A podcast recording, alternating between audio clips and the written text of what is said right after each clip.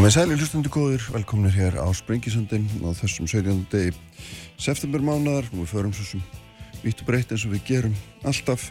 Uh, Hanna Katrín Fríriksson uh, verður hér uh, þingmaður viðreistnar í lögþáttar þá ætlum við fjallaðins um þessa þessa umræðu um já, hvað maður að kalla það um hins egin leikan sem hefur verið mikið í, í deglunni síðustu vikuna. Hérna, sprettunum kannski af því að fólk er að gaggrýna það að samtökinn 78 séu með mannreitindafræðslu í grunnskólum og finnst hérna, uh, það óforsvaranalt og hérna við ræðum um þessa þennan hólskefil allan sem að hérna, þessa hólskeflu allan eftir mann að vist að segja sem að hérna við hana Hannu Katrínu hér í lokþáttarinn og þau verða hérna meðluleitið Bjarni Bendisson, fjármál og efnarsáður og Kristún Frostadóttir formað samfélkingarinnar þar förum við yfir fjárlega frumarfið svona eins og eins og við getum, efnahastjórnina þetta, samspil ríkis og selabanka, verðbólgu vexti og hvað þetta heitir allt saman og þetta svona pólitíkina sem liggur undir í, í fjallaga frumvarpinu, hvernig hún byrtist og hérna Kristofn er auðvitað ósátt við þetta frumvarp og, og, og byrtingamindir pólitíkar í því og hérna við sem sagt fáum að heyra í þessum tveimur helstu eða tveimur okkar helstu stjórnmálamanum um þetta hér á eftir. Nú Gunnar Tryggvason verður hérna líka, hann er hafnastjóri í Fagsaflóðahafna en eitt af eina af ábendingum eða tilmælum samkjöfninseftilitsins uh, í þessari miklu skýslu um, um uh, samkjöfnislaðabrott um, samskips var að það þurft að greiða fyrir samkjöfni í fagsaflóðahöfnum og ég ætla að, að taka hús og gunnar um það hvernig, hvernig höfnin ætlar að tryggja það að fleiri fyrirtæki en þessi tvö sem þarna eru nefnd, eimskip og samskip komi stað með greiðum hætti í fagsaflóðahöfnum og sérstaklega í sundahöfninu þetta sem er langstæsta inn, og útlutningshöfn okkar Íslandinga en ég ætla hins vegar að byrja hér með góðum gesti og tíðum Haldur í Bjössinni sem er auðvitað hérna hópstjóru á veðustofni og einn okkar helsti sérfræðingur um samspil veðus og loftlagsbreytinga. Það er auðvitað að verið mikla frettir af sveiblum í veðri uh, undanfærin ár og ekki síður í sumar, heitast í mánuðu sögunar í júli, heitast að sumar sögunar og hérna ég ætla aðeins að kanna hvað veldur öllum þessum hamförum, ég held að sé ótt að, að, að kalla þér það förum yfir það við haldur hér á eftir. Uppspretta frétta á Sprengisandi á bylgunni. Sælhustundur haldum að stað hér á Sprengisandurum sem leði likur í dag. Hanna Katrín Freiriksson verður hér í lok þáttarfjöllum þá um, um, um hins egin leikan ef að sem hún segja hérna uh, stöðu hérna og þessar svona þessar árausin sem verður að gera á samtíki 78 vegna vegna uh, mannreitnindafræslu þeirra í grunnskólum. Uh, Hanna Katrín hefur mikið talað fyrir uh, réttundum þessar fólks og sínum auðvitað í leðinni uh, transfólks líka á þinginu vel að sér í þessari umræðu. Andri Bjarni Benedísson og Kristrún Frostadóttir verða hér meðluguleitið, þá förum við í fjallögin, efnastjórnina og þau málöll uh, pólitíkin á bakvið við fjallögin nú Gunnar Tryggvarsson verður hérna líka uh, hafnastjóri fagsaflóða hafna. Ræðum þá um það hvernig hafnaríuvel geta tryggt samkeppni, þetta er auðvitað í kjálfarið á á því að samkjöfniseftiliti skilaði mikil skýsli um samkjöfnislagabrót samskips nú á dögunum en ég ætla hins vegar að byrja í tengslum veðafars og lofslagsbreytinga Haldur Björnsson er hérna hjá mér, góður gestur. Var sinni sætla blessaður og velkomin þið fyrir. Sko þarna ef maður bara svona aðeins tekur sumarið 2023 þá er júli heitasti mánuður sögunar að mér skilst. Og sumarið heilsinni heitasta sumar sögunar og við erum líka búin að horfa upp á gríðarlega regninga núna síðast í í hérna Miðarhafsfæðinu? Já, einmitt nákvæmlega, já, er mér eitt augnablík og hérna gríðarlega flóð og svo framvegs og framvegs endar þessar söiblur hérna, hvað er að segja því og er, erum, við, erum við vissum að þetta tengist allt saman línunjarðar? Sko já, það, auðvitað gerir það sko, mm. það má segja raun og verið sko allt veður sem við upplifum þetta verið, verið svona held ég allar þess að ölda, allt veður sem upplifun er á einhvern hátt mótað af línunjarðar bæði gott veður og slemt veður og merkilegt og ómerkilegt sko. mm. sko. þetta er bara einfallega orðið þannig en hérna þetta veður auðvitað það sem er að gerast núna er náttúrulega jörðin er að hlýna og hún hlýnar svona sko um það byrja mikið á einum áratug og eru sveiblur milli ára þannig að ára eins og þetta sem er gríðarlega heitt mm. það verður maður að gera ráð fyrir að það verður orðið bara svona venjulegt ár eftir ef heldur sem horfir eftir svona tíu ár Þannig var það 98, 1998 var ofbáslega heitt ár, alveg gjör, gjör ólíkt öðrum árum. Mm -hmm. Það var aftur álíka heitt árið 2005 og svo 2010 og öll ári eftir 2014 hafi verið heitar enn 1998. Já, já, já. Þannig að það má vel búast við að gerist það sama hjá okkur núna sko. Svo þegar það er svona heitt þá náttúrulega fara alls konar hlutir að gera sem að eru óvinnilegir sko, loftlasbreytingar byrtast í sjálf og sér ekkert endilega í einhverju nýru tegunda veðri, það er bara nei, nei. sama gamla óveðri, þau verða verri og þau verða algengari.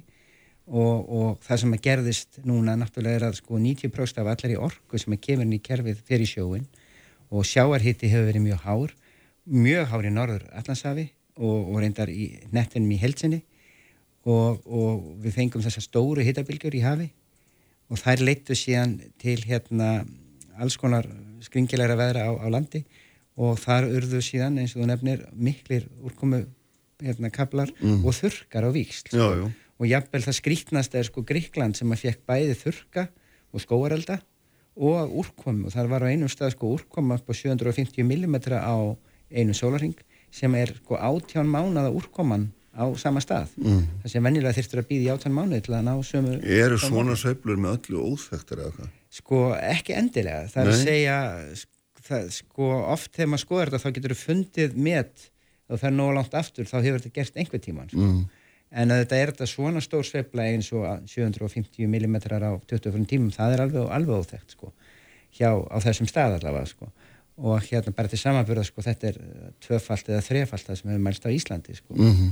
og hérna og hérna þannig að þetta er alveg, alveg gríðarlega mikið uh, sko ímiskonar aftök náttúrulega verða verri og, og, og svona það sem að flóð sem að kannski voru sjálfgef verða til að algeng og það sem var svona fáhirt fyrir að gerast nokkru sinnum og, og svo framvegst, þannig að, þannig að við færum okkur auðvitað yfir í eitthvað sem er kannski verra en hefur nokt tíma verið sko. mm. en aðalatrið er bara þetta heldur áfram hægt og róla með hlínun þannig að eftir áratug þá verður þetta ára ekkert merkilegt Nei. og það verða sambærilega áhrif sem að hérna sem að eru núna og verða þá sko. mm. en falla af því að þetta það er ekki endilega sömu staðir sem að verða fyrir þurkum eða sömu staðir sem verða fyrir skóaröldum eða, eða úrkomi eða svo framvegi sko en hérna en, en, en þetta er einfallega bara hvernig kerfið sé hann bregst við þegar kemur svona mikil orka inn þá verður náttúrulega aftaka úrkom eitthvað staðar og, og aftaka þurkar eitthvað staðar sko. mm. En er sko, er það alveg ótvírætt í hugum allra sem umst að fjalla að, að uh, maðurinn valdi þessum sveiflum umfram manna, það er ekki um að ræða neins konar sko, náttúrulegar sko, sveiflur, eru, er, er menn alveg vissir um, um að það sé ekkert? Já sko það eru þetta hafa alltaf verið Þetta eru það er alltaf, ég veit það en, sko, já, já. og nú það má alveg til dæmis í ári er óvenju heitt af því að það er að myndast fyrirbæri sem kallar El Niño sem kemur reglulega í, í hérna Kirrahafnu það skiptast á köld ára og heitar með svona tón okkur miklu reglu, svona sjö ára sveiflaða svo. Og hérna síðan var eldgós fyrir nokkrum mánuðum í hérna Kirrahafnu sem var alltaf merkilegt að því leita að það verist að komið mjög miklu vasku upp í heðkvolvið og það kann að vera það valdi hlínun, það er alltaf umdelt hvaða áhrif það hafi mm en svona hlutir sko eru hlutir sem sparkaði sem við kalla þetta náttúrulega breytileika sem sparkaði þessu upp en þegar við erum að hita jörðina með losum gróðursloftegunda þá verða svona sveiblur, svona ár verða þá miklu afgakendar en áður sko. mm. venjulega 0,3 gráður yfir meðaltalið hefði venjulega bara verið 0,3 gráður yfir meðaltalið en þjóð búin að hita meðaltalið um heila gráðu þá er allir nú komin upp í 1,5 tvær eða eitthvað eða 1,3 ár og það er það sem náttúrulega er að gerast núna sko. Já, en er, þú ert semst með öðrum orðum að segja mér að, að svona, maður tekur bara svo mikið í fréttum í fyrra semar, miklu hittar í Breitlandi, 40 gráður og hérna, menn stundu þungan undan. Eftir tíu ár þá verður þetta bara svona normalt sumar eða? Já, eða sko það, það set, ég er ekki lofaður að þú getur alltaf að færa til Breitlands til 10 stiga 40 gráði hita sko. en, en, en tilfell er já, sko 40 gráðu sumur sem voru fáheyrði í Breitlandi það var, voru, það var einhver mikil hitabilgjaðar 70 eitthvað, ég man ekki nákvæmlega hvort mm. 75 eða 6 en, en sko þannig bilgjur eru bara dæmið um svona náttúrulega breytileika svo leiður búin að hita kerfið allt upp þá mm. þarf miklu minna til að fara upp í sömu tölu þannig að næst þegar kemur sko, þannig að það vera fleiri litlar sveiflu sem geta nátt þessu sko. mm -hmm. og það er það sem mun gerast að í Breitlandi fer, ferðu að fá 40 steg að hita bara svona fyrst kannski einu svona áratögu og svo tviðsver áratögu og svo bara annarkvært ár og svo framvegis. Já, já, auðvitað og það er, er það ekki rétt skilja að eh, matvísindamanna núna er að það sé það sé svo mikil hlínun komin inn í systemið að jafnvel þó að mannum tækist eitthvað með að spóla sér tilbaka í útblæstrinum að þá heldur hlínunin áfram að minnst þú veist einhver tíma. Já, sko, hún allavega kólnar ekki. Það er sko, meðan að við dælum CO2 upp í, út í loftjúpin mm. þá heldur áfram að hlína leið og við náum að stoppa það þá hættir fljótlega að hlína það tekur kerfi smá tíma að jafna sig en hérna en það þarf síðan að taka CO2 einhvern veginn úr loftjúpnum og það gerist því miður ekkert volið hratt sko. það tekur alveg þumarputta reglan er að þú mynd dæla einhverju út þá fer nú slettið að því á fyrstu áratöfum en svo er það þannig að 75% er í nokkur hundru ár, svona 300 ár mm -hmm. og 25% eru bara alveg ofbóðslega lengi, það er að tala um svona álíka bara og geslavirkur úrgangur eða eitthvað mm -hmm. í, í þúsundra ára sko.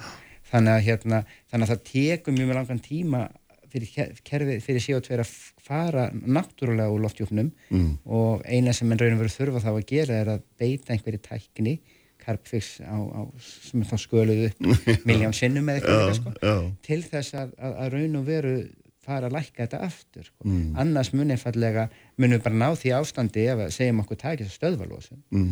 að, að við erum þá först í því að eiga alltaf von á svona veðrum sko.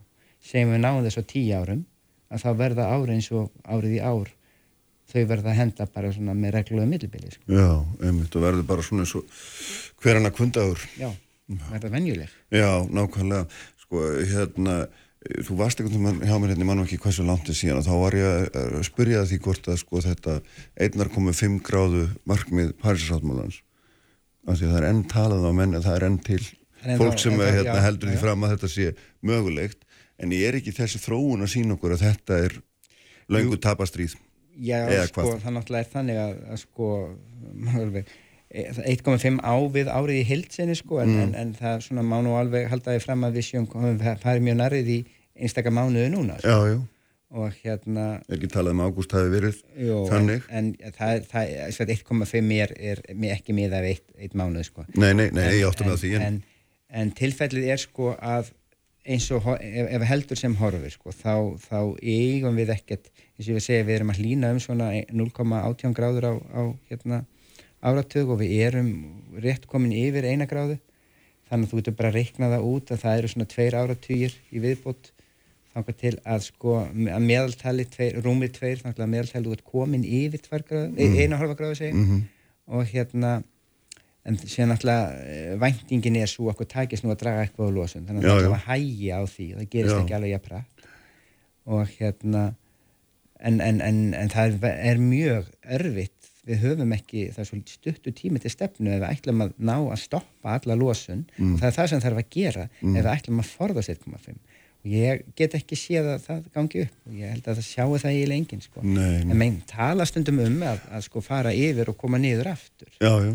Það, en þá þarf það byggja náttúrulega á einhverju tækni sem ekki er til staðan og þegar Já eins og þú varst að lýsa á þann þá þarf að hala hérna. það þarf að hala þetta einhvern veginn niður Já. það eru auðvitað til ymsar hugmyndir og án ef að verða til fleiri hugmyndir mm. tímanum sko.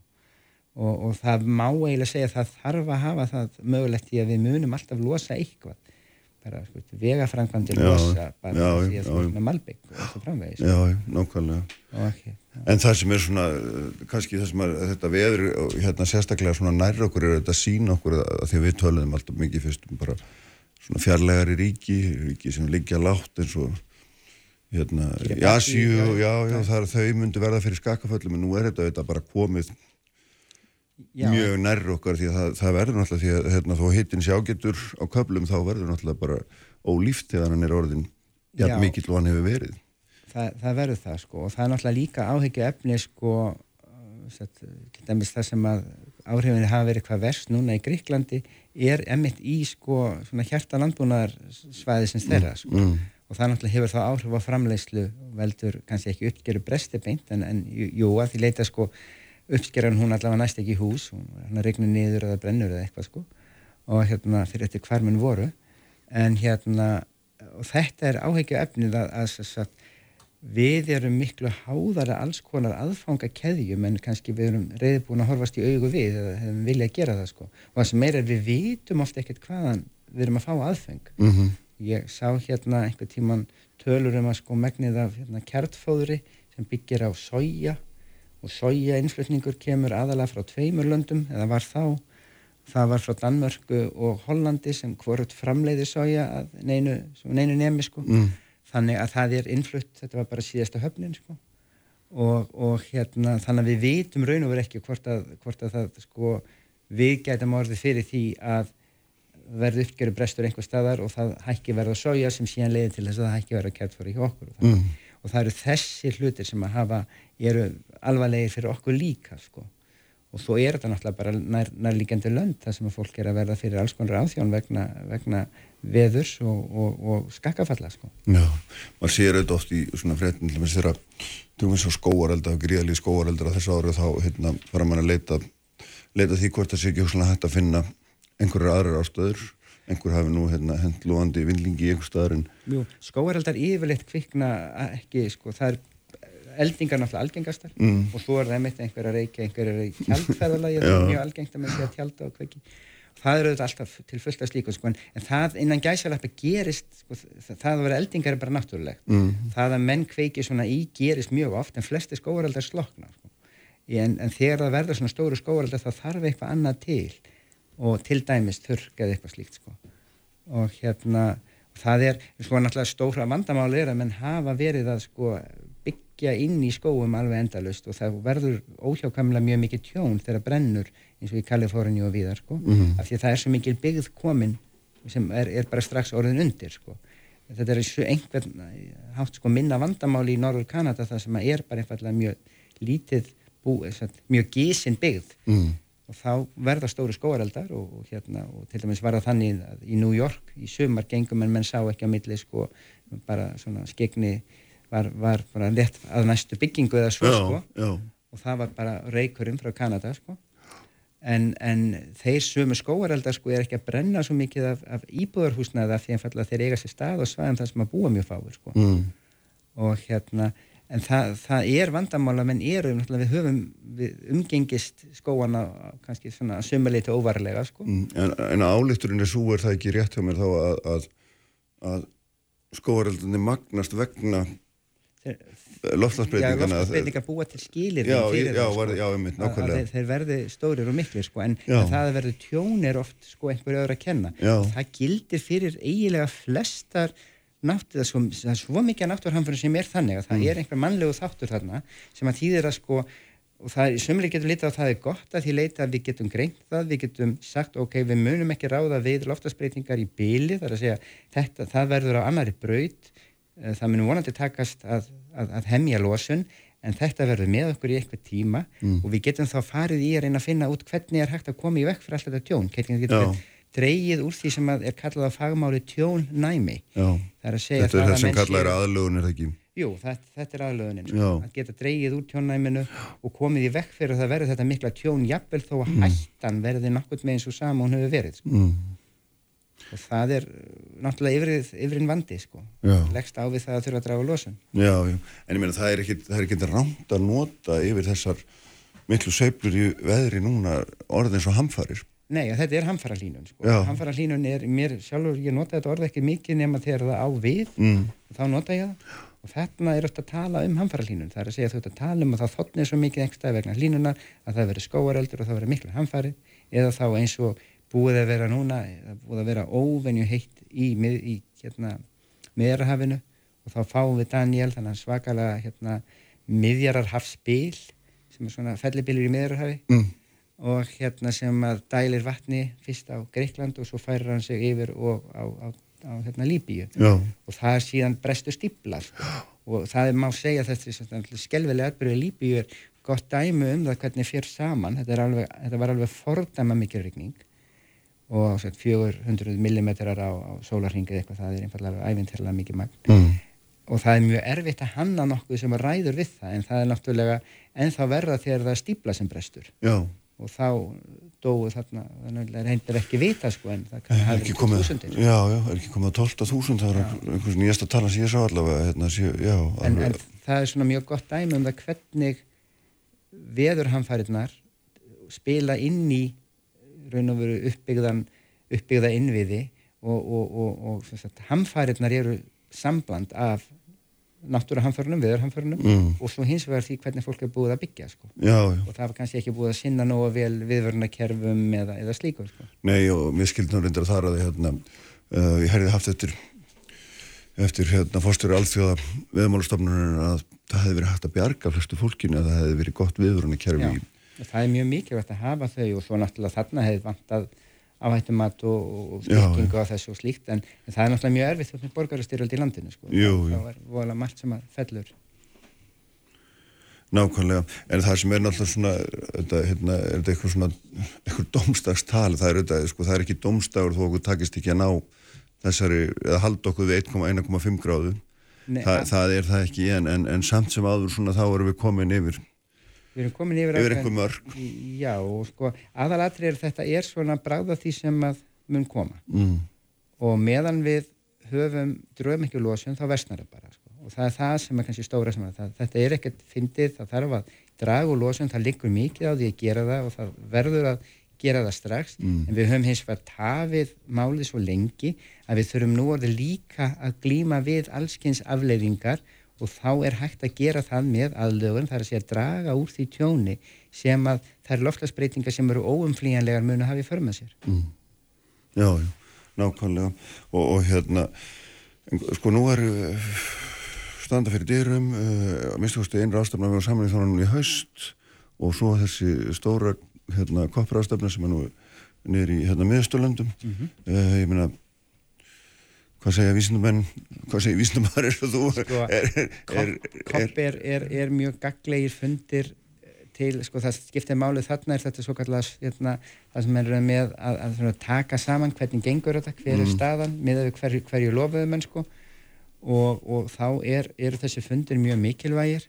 Þetta er mjög áhugavert að það skulle vera haldin í Arabalandi sko, sem að er að framleiða mjög mikið af, af hérna, er einhver stór hluti af vandanum ef við erum að hugsa, horfum losun hérna í Arabna elsneitis en hérna þeir eru reyndar ekki í kólum þessir sko, kól eru líka mjög stór vandi og gott að hafa þetta huga, í huga sko. Að kól er sumuleiti kannski miklu meiri vandi heldur en, heldur en beintið af oljan. Og við Vesturlandabúar höfum nú ekki verið tilbúin til þess að hérna, hætta nótkan þeirra. Hætta nótkan þau sko, þannig að við getum, erum kannski ekkert í hólagur aðstöðu til að vera að þetta fingur út í Araba en hérna, en það sko, auðvitað, sko, það er mjög mikilvægt að, að menn drægi úr losun eins rættu mikið og það verður einhvern veginn að reyna námennum saman og það, ef það tekst þarna þá mér er alveg sama hvar minn eru sko að þeir ná því marki mm. en svo er annað sem hefur verið að gerast með þessa koppfundi að þeir eru líka að þróast mjög mikið út í fundi sem er svona einhvers konar sko kaupstefnur fyrir alls konar lausnir mm.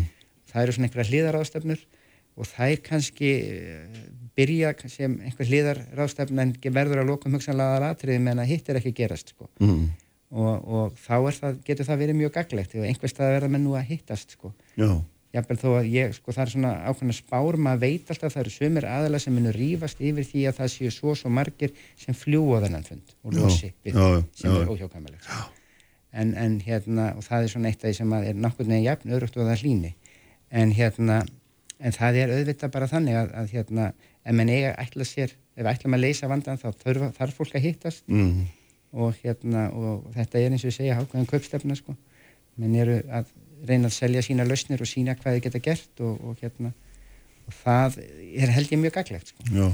En ef að sko því nú, nú er staðrind, staðrind svo að, að losun hún mingar eiginlega ekki neitt mjög lítið, almennt talað, mjög lítið miklu minna heldur en markmiðin segja til um að þurfi til þess að ná þessari 1, eða þessi 1,5 gráða verði að hámarki og hérna og mér skilst allavega því sem ég hef verið að reyna að lesa að það sé svona stefnan sé svona 2,5 gráða núna að, þú veist, ef að þetta heldur bara áfram eins og það er og ekkert gerist, þá er þetta svona 2,5 gráður þar sem að á þeim tímabundi þeirra 1,5 gráða átt að verða margmið.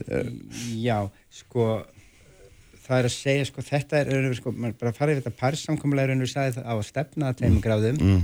og kanna leiðir að 1,5, það var mm. ekki orðað harðar en það, sko. Uh, lönd gefa síðan lofórð og fyrst í stað var það þannig að þú bara skoðaði hvað eru löndin að lofa og bara leggjum það saman og reiknum út hvað verður mikið hlínun, þá var það komið við þrjálfgráðar sko. mm -hmm. núna erum við hvað er að sjá að það getur komið snýri tvær og halva sko. Það þýðir ekki endilega að við munum stefna í tvær og halva því að menn eru nú líka hugsa um að reyna að sko, herða aðeins skrúurnar hvort hverju öðrum Já. en þetta fer líka alltaf mikið eftir í hversu auðvelt það mun reynast að draga úr losun sko.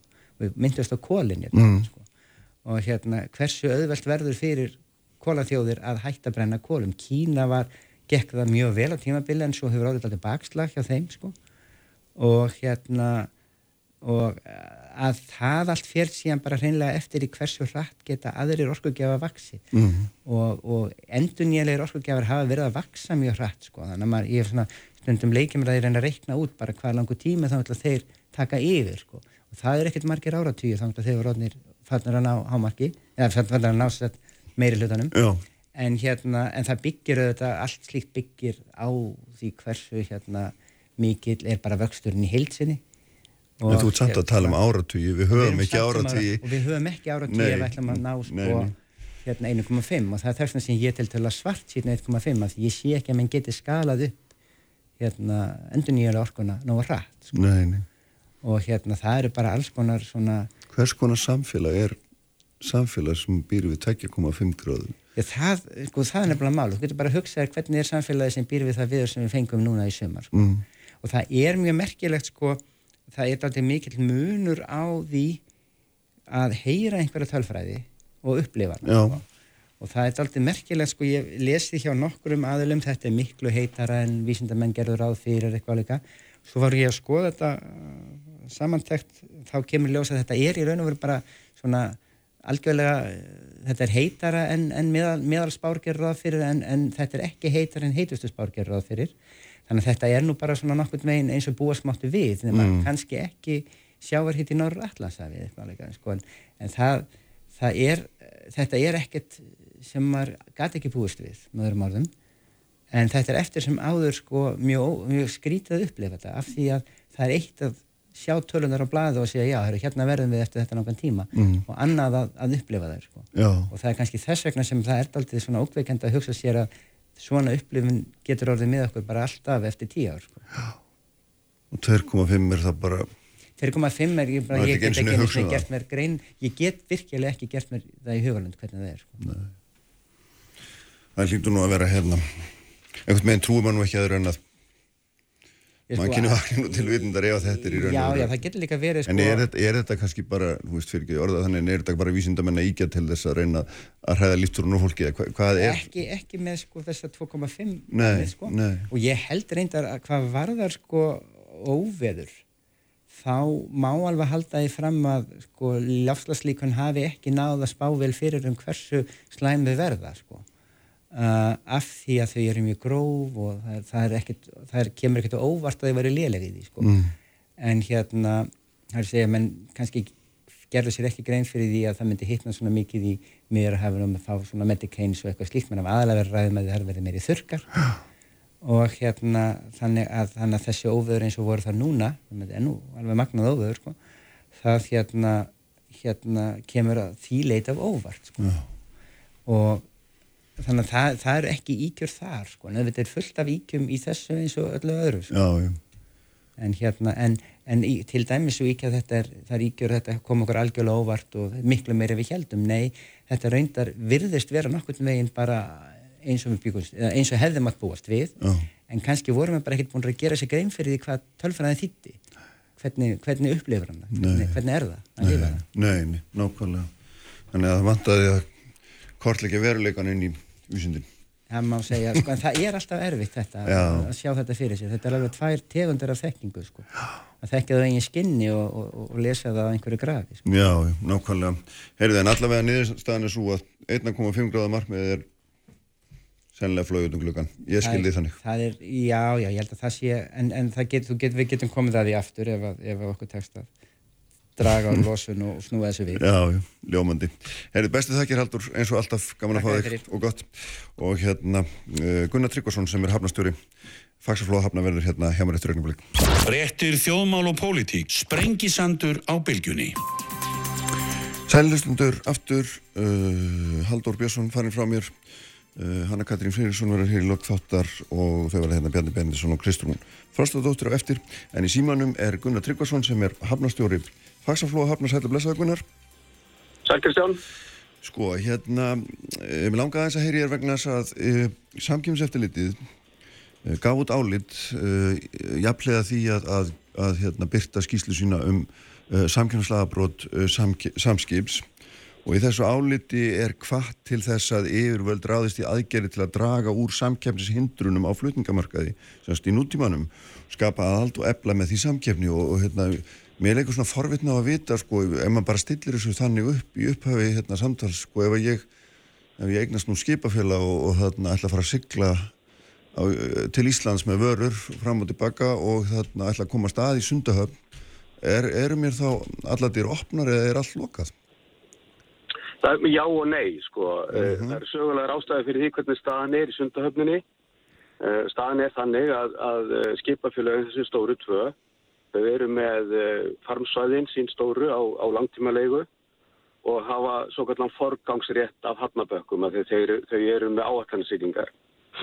Um, uh, ef að nýtt skipafélag vil koma þá er til plás en þá eftir að fjárfesta, skulum við segja. Mm -hmm. uh, og við erum alltaf að handla með almanna fjö og uh, við ætlum að leggja peninga í, í það að byggja upp aðstöðu fyrir þriðaðila þá myndum við helst vilja sjá einhvers konar samning eða, svona, eða einhvað fast á bladi um þeirra áallanir. Mm. Eh, en hafandi sagt þetta, þetta er, væri, svona, væri svona besta lausnin. Þriðaðileg kæmi þá er nægt plás og við hefum mögulega til þess að byggja fyrir hann bæði hafnakant og, og, og parmsæði. En eh, það er líka önnulegð um, sem við höfum verið að skoða og um, þá er ég að vísa í vinnu sem við fórum í, í fyrir áramót. Og með breskar ágjöða fyrirtækinu drúri mm -hmm. þar sem að um, uh, teiknur upp annu leið um hvernig hægt er bara efla samkjætni nánast við núverandi aðstöður og, uh, og það fælst í því að búnaði til losunar lestunar segi í samil í eigu þrýði aðeila kannski hafnarinnar eða, eða, eða þrýði aðeila Já Þannig að, eh, sko, þannig skiljið rétt, í augnablíkinu er þetta þannig að, að þessi tvö félög sem að sögulegum ástæðum eru, eru þarna staðsett, að þau eru de facto með einagunar aðstöðu. Það er vonlust fyrir mig að komast þarna inn, ég meina, ég kemst ekki að inn nema að, að þú samþykir að byggja yfir mig og til þess verði ég að koma með skuldbindandi yfirlýsingum að ég ætla að sykla til þín í tíu ára eða hvað gerir ég ráð fyrir eða hvað? Já, nei, þau komast að í sjálf og sér en, sér, en það er ekki aðstæða, þau geta ekki fengið þá þjónustu sem að e, e, væri, væri best að geta vittum, sko. Þau komast alveg að því að eins og ég sagði, hafnabakkanir eru bara, þau, nú er þetta skipafjölu bara með forgangsrétt að þeim. Mm. Aðri komast að á öðrum tímum. En, en, hérna, en ef að, aðri er ætla að vera með áhættansiglingar sem að væri það besta lausnin, að þá þurfum við að byggja fyrir þau, já. Já, og, og hérna er, sko nú hafa náttúrulega einhver félög gegnum tíðina allanskip manni eftir og, og, og fleiri reyndað svona hasla sér völl á uh, í millilandaseglingum mill Íslands og Aröpbeða bandrækjana eftir því sem við á og þarna hefur nú gengið bröðsvöldlega kannski ekki ósupað og flug, í fluginu. Er einhver, er einhver að leita eftir þessu? Er einhver, hérna, er einhver, er þeim einhver erindi til dæmis frá einhverjum eða? Við erum ekki með formulega erindi en við erum búin að vera í samtali við uh, allavega tvo að þrjá, ef ekki segja þrjá aðela mm. í einhver tíma uh, en uh, flestir þessar aðela eru með aðstöðu annar staðar. Það hefur breyst, það jákvæða er, það hefur breyst aðeins á síðustu árum að, að, að innflutningur er, er byrjaður í aðrar hafnið. Við getum nefnt smýrilæn er að flytja inn út frá Þólásögn. Torship er einhverju leiti að flyt, nýta álskipin frá, frá Strömsvík fyrir inn- og útflutning. Eh, og, eh, og svo er, er Royal Arctic Line reyndar í, í sundahöfninni gegnum samstarf við Eimskip sem að samkeppniseftir litið samþekti mm. þannig, þannig að frá því allavega þessi, þetta tíampil sem Skíslan fjallarum hefur ástandið einhverju litið lagast en ég ger mig fyllilega grein fyrir því að það geti verið betra Já, þannig að þið, þið fallist alveg á það með samkjömseftinlitinu að, að það sé ekki viðunandi staða fyrir fyrirtæki til að koma og kjappa við þessi tvei fyrirtæki sem þarna ræður mest. Já, við gerum það. Við segjum í sjálfu sér, við teljum það rétt til samkjöfnuseftinlitinu, það er okkar hlutverk að hlúa samkjöfninni Eh, við getum ekki eins og að tryggt að hún komi um, og, og, en, en við þurfum að hlúa að henni. Og þessi leið sem er teiknuð upp í þessari áðurnöndu skýslu drjúri að okkur líst bara nokkuð vel á hana mm. og, og, og hérna hún er til umfjölduna hjá okkur í stjórn. Akkurat, en, en eh, sem sé að því að ég er ekki sérfræðingur í flutningum síðan og svo en, en uh, ef, að maður, ef að ég er ekki flugfélag þá fengi ég útlutað einhverjum tíma og ég fengi útlutað einhverju landgangi til þess að hérna og þetta er allt í ofnbri eigu.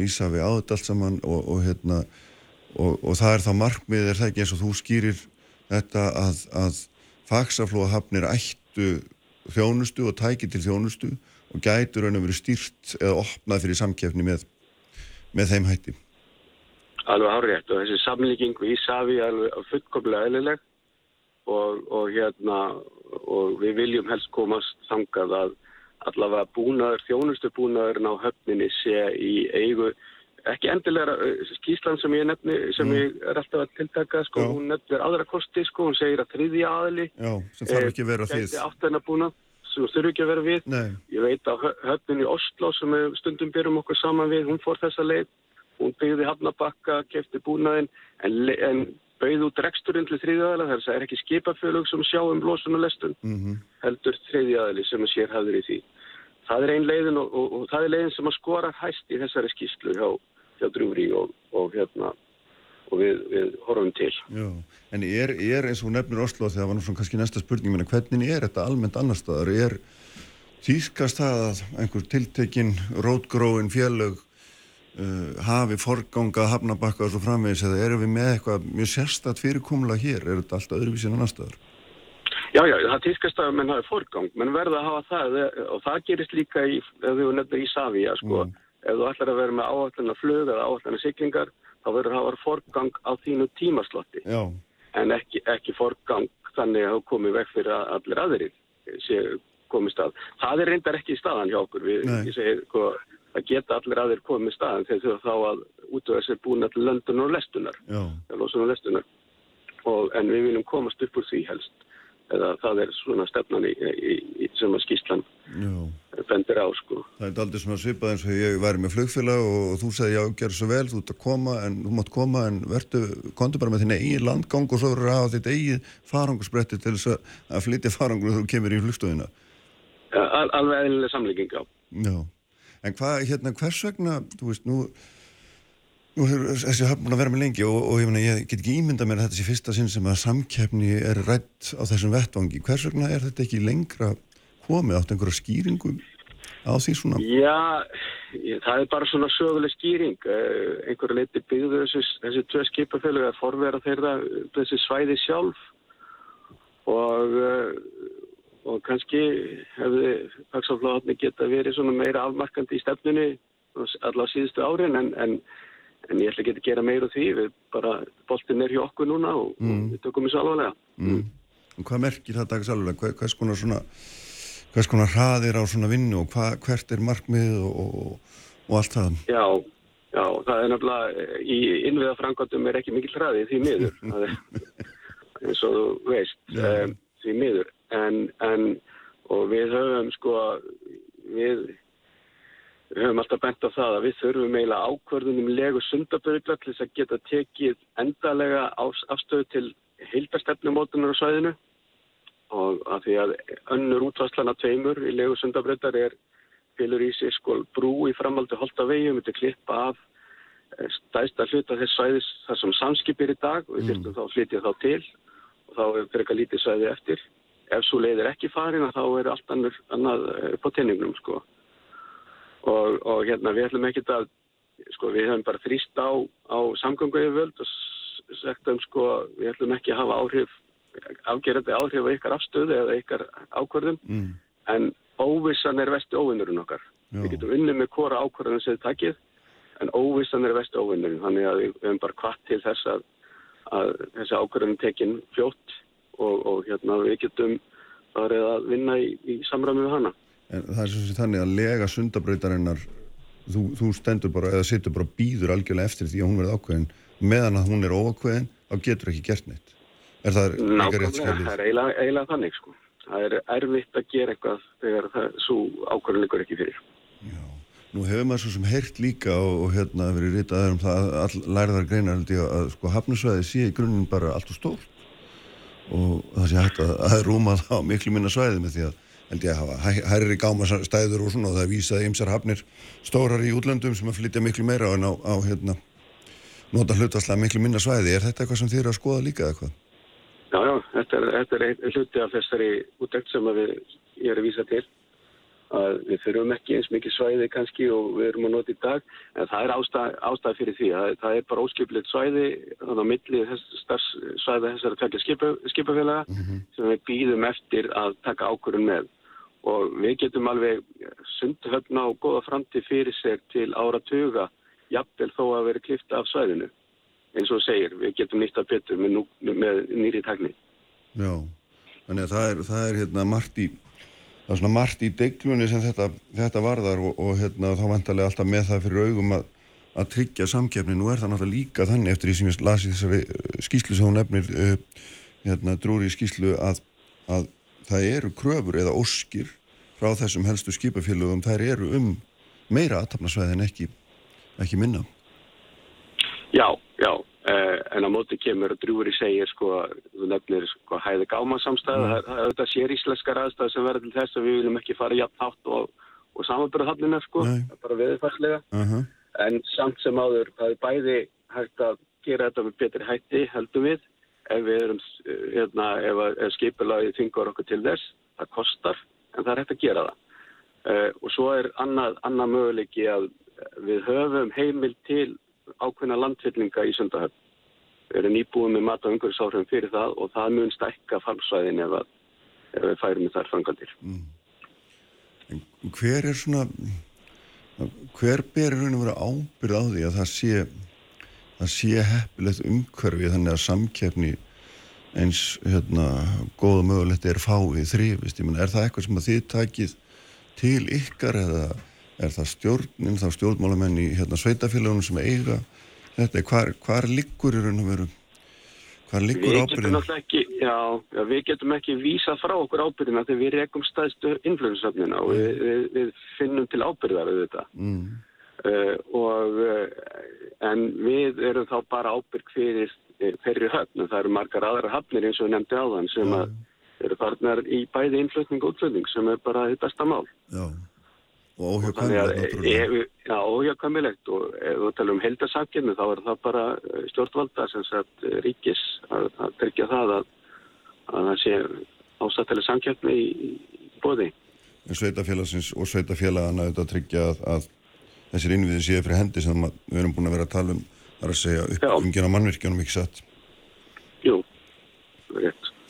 Og hérna þannig að svona staðan er sem þú að við býðum eftir sundabraut og meðan að hún ekki er ákveðin og, og er ekki búin að tala um hana síðan 1980 eitthvað Jó hérna, góði hluti gerast hægt eins og það stendur sko þannig að hérna á meðan hún er ekki lega hennar hefur ekki verið Ég vil ekki taka þá djúft í ára en að hún, sko, hún komið vekk fyrir það að við tökum ykkur skrifið þessa veru. Nei. Uh, við, ljót, við erum að hugsa aðra leiði líka sem eru þá svona skemmri skýrnir, uh, skemmri skýrn, en, en hagkamist væri bara að fá ákvörðunna og við farum að vinna eftir henni heldarplan til næstu 50 ára. Já, þannig að því getur svona stekið einhver, einhver skrif til þess að tryggja að hérna... Einhver milli, einhver milli já. Já, nákvæmlega.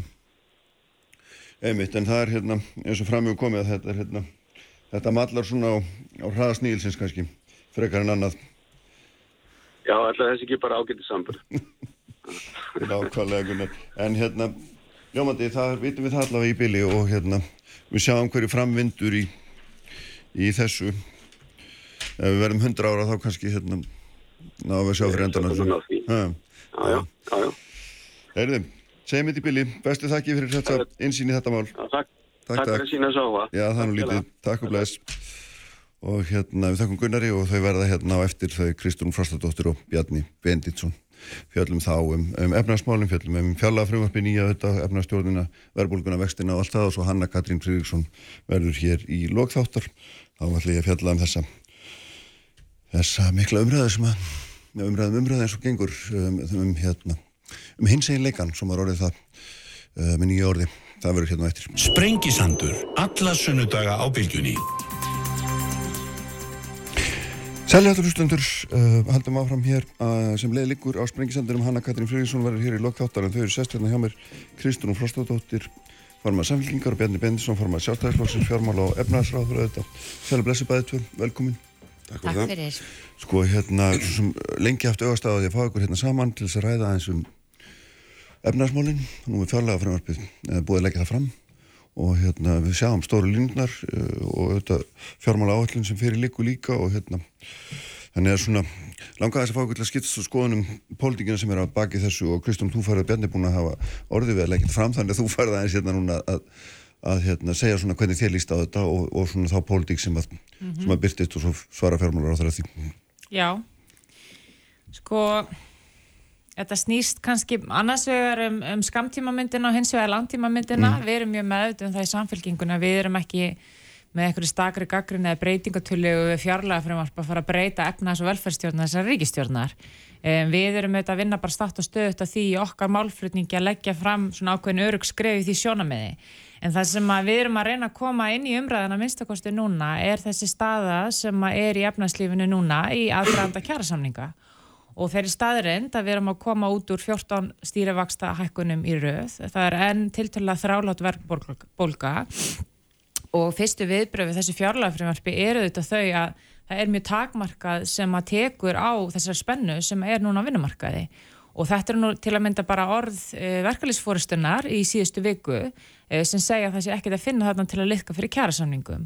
Ég veit alveg að fólk er almennt á þeirri skoðun og ég er það líka að ríkið á ekkert að vera aðal aðilinn í kjæraksamningslótunni. Vandin er hins vegar sá að þegar við hefum komin að þann stað með velfærakerfi okkar að fólku upplifir að það þurfi fyrst og fremst að sækja kjarabætur í svona umhverfi í launaumslæðið mm. um, og launverandi eitt stæsti staki útgjaldarliði bæði ríkis, sveitafélaga og náttúrulega fyrirtækja sem að reyka sig á innlendir grundu þá hlýtur að vera mikilvægt að það kom eitthvað inn í svona kjæraviðræður.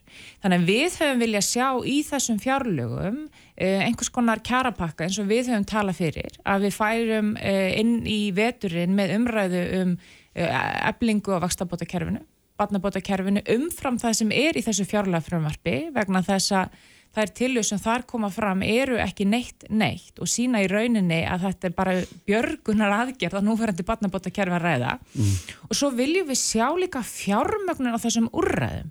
Vegna þess að umræðan fer mjög oft út í aðhaldið og við erum alveg sammála í svona umhverju þarf aðhald, við erum bara ekki sammála um hvaðan það á að koma. Mm -hmm. og að okkar mæti á það ekki bara að koma útgjaldar hlið, heldur að það á að koma teki hlið, en það hefur engin vilji verið hjá þessari ríkistjórn til að fara í pólitíska, teki heimdu e, til þess að vinna moti verbulgunni og þar eru við e, fjármálaráður að bara ósamála í grundvöldlaratriðum. Mm -hmm. Bjarni? Já, já, það er nú, sko, við bara tökum þennan síðasta punkt, sko. Á næsta ári eru við með viðbótar tekjuskatt á lögæðala, við erum að fara að auka skattendu af ferðarþjónustunni og við erum að fara að endur hinda tekjuskott eða skattstofna ríkisins vegna aukutækja á umferðar. Þannig að það er bara beinlýnis ránt að það sé ekkert verið að gera á tekjuhliðinni, en ég heyrið þetta að það sem að Kristún vil gera er að auka útgjöldin og það eru þessi bótakerfi og þá að stækka millifæslunar mm. og það sem ég heyr hann að segja er bara, heyrðu, ég vil hækka skatta og ég vil auka bótagreðslu til fólks. Þegar, þegar við skoðum raunstöðun á Íslandi og spyrjum okkur svona hvernig hefur okkur gengið bara bæta kjörin hjá launafólki í landinu, þá sjáum við að við búum í samfélagi þar sem að kaupmáttur hefur vaksið stöðugt í tíu ár. Um, við erum í samfélagi þar sem að eignajöfnur er að vaksa Uh, við búum í samfélagi þar sem að uh, laun þeirra sem að eru lægst í launastíganum hafa hækkað umfram aðra og kaupmáttur þeirra hefur verið sérstaklega varin. Á þessum verðbólkutímum þá höfum við einmitt gripið til sérstaklega aðgerða til þess að skapa skjól fyrir þessa hópa til dæmis með barnabótakerfinu nýja sem við innleitum um síðustu áramót og er að koma í gagnið í tveimur skrefum með herri vakstabótum sem við tókum ákvarðunum um síðustu ár þegar við tvöfölduðum e, fjárhæðamörkin og við höfum sömulegis verið að beita okkur á húsnæðismarkanum og þar hefur sérst náðst jafnvægi að nýju. Þannig að þegar að litið er á heldina þá sjáum við að hér á Íslandi hefur gengið betur heldur enn í öðrum landum að bæta kjör þeirra sem eru svona neðarlega í tekjustíðanum og um það hafa líka kjaralótunar að verulegu leitu snúist og ég átta mig bara ekki alveg sko, á því hvað átt er við þegar einhverjar væntingar vorum um það að þetta fjárlagafrumvart myndi fela í sér eitthvað uppspil fyrir kjaralótuna framöndan. Mm -hmm.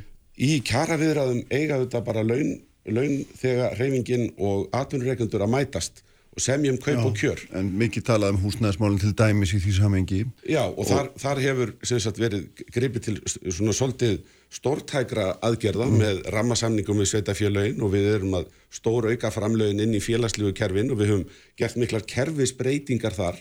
Við erum að fara frá vakstabótakerfinu sem að Kristún er hérna að tala um yfir í svona nýtt uh, kerfi þess að, sem við kallum uh, almennar íbúðir með stoppstyrkjum og húsnæðisbótum og uh, þar hefur kannski helst gort á það að þér mér hefur sí, svona uh, virst að það kæmi meira frambóð af lóðum frá sveitafélagunum mm. og það þarf lóðir sem eru fjölbreyttari fyrir allar tegundir húsnæðis. Mm.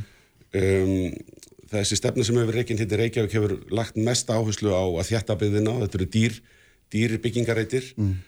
en það sem við þurfum er fjölbreyttara frambóð af húsnæði fyrir fólk á mismunandi aldri með mismunandi þarfir og uh, það gerist ekki bara á þjættingareitum hérna í miðborg Reykjavíkur. Kristúr, það eru hérna Já, það er sko auðvitað, hérna, Ríkstjórn er með áformum að byggja hvað 35.000 íbúður á, á 10 árum, 3500 íbúður ári Já.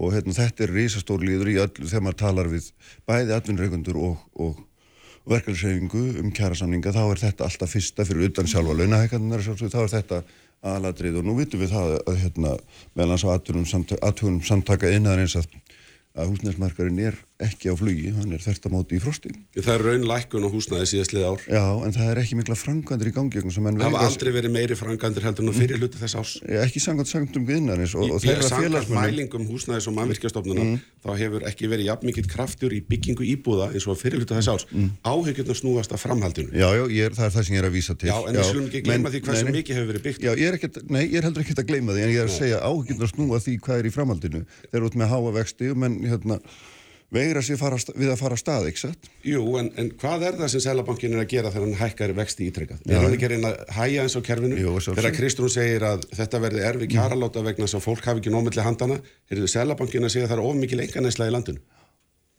Sko, Sælabankin reyndar sagði það ekki núna við síðustu uh, vakstahækkun.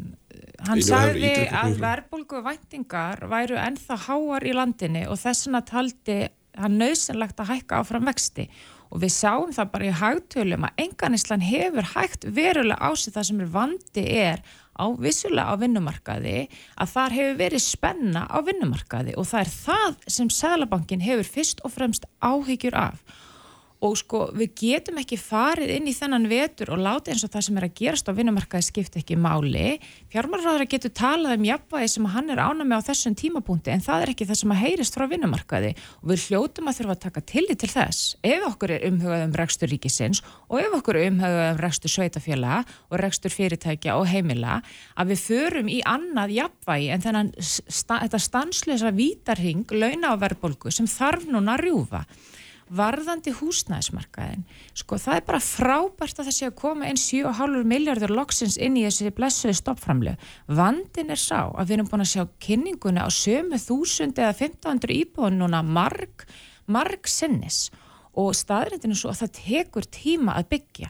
Eh, við erum eh, mik miklu stuðningsaðalar þess að það sé farið í uppbyggingu á nýju húsnæði sérstaklega sem að snýra sko, eh, húsnæði byggt á stoppframlögum og eitthvað sem er áhagnaði drifið en við veitum öll í reyni líka að það tekur tíma að byggja.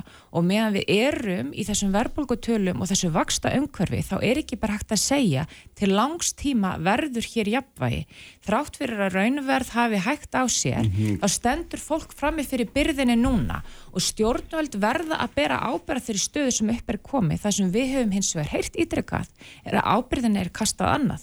Annarkvort á vinnumarkaðin, Sælabankan, stök sveitafélög, stundum stjórnarandstöðunni þegar fólk er ekki með svör og þess vegna er ekkert óöðurlegt að við tökum umræðu um hvað að gerast núna í aðdraðanda kjærasamninga. Mm -hmm. Ég get hins vegar verið með stórtækar og breyðari tillögur um hvað ég myndi vel að sjá í velferðarmálum. Ég menna það er oft verið að vitna til vinnumarkar á Norðurlandan í því samingi. Af hverju íslenski vinnumarkarum getur ekki verið eins og á Norðurlandum með takmörkum launahækkunum? Það er vegna þess að þar er samtryggingin miklu meiri en á Íslandi. Barnabóta kerfið er á allt öðrum stað en hér á Íslandi. Það er verið að tala um einhverja stór sókn í barnabótum.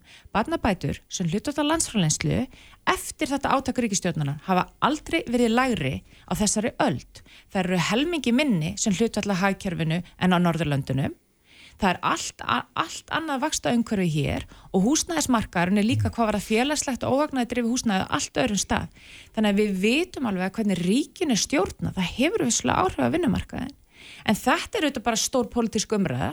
Fjármálar á þeirra villu auðvitað að benda á að við viljum hérna bara harri skatta og, og meiri samneislu ég menna einhver liti er það auðvitað bara rétt. Þar liggur okkar pólitiski ágrinningur fjármálar á hans flokkur vil læri skatta og veikara velferðarkerfi. Sjálfstæðisflokkurinn hefur farið frá því að vera flokkur stöðuleika í að vera flokkur skattalækana og engarekstust fyrst og fremst.